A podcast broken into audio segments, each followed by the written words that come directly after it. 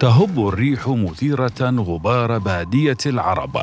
قطيع من الجمال يتحرك ببطء وتلوك الدواب ما تيسر لها من نبات هذه الأرض.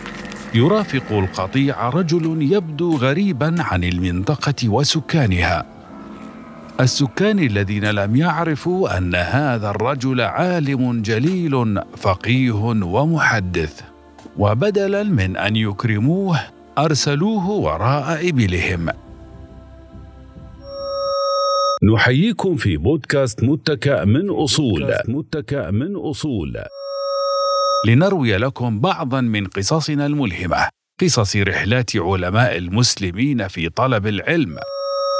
وإليكم هذه الصفحة من حياة الإمام الفقيه المحدث أبي المظفر منصور بن محمد السمعاني. أبي المظفر منصور بن محمد السمعاني. حط رحاله في بغداد قادما من مرو وهي اليوم جزء من تركمانستان. إنه القرن الخامس الهجري وبغداد يومها عاصمة العلم وكعبة العلماء. وهناك تعلم وتتلمذ لأكابر علمائها حتى برع وناظر الفقهاء. ثم قرر الخروج إلى مكة المكرمة. يحج ويستزيد من العلم ما يستطيع إليه سبيلا. وفي طريقه إلى هناك يأسره عرب البادية ويتخذونه عبدا يرعى إبلهم.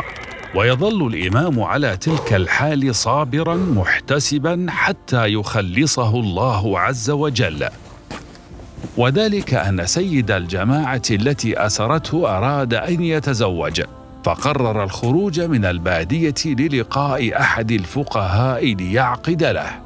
فيخبره أحد الأسرى أن الرجل الذي يرعى الإبل هو فقيه خراسان فيستدعيه الرجل ليسمع منه ثم يعتذر إليه في خجل عما بدر منه ومن قومه ثم يعقد ابن السمعاني له وبعدها يحملونه إلى مكة مكرمه ليقضي ما غادر بلاده لأجله من تحصيل العلم ولقي العلماء. تلك كانت بعض مشاق طلبهم للعلم ولم تعقهم فما هو عذرنا نحن اليوم؟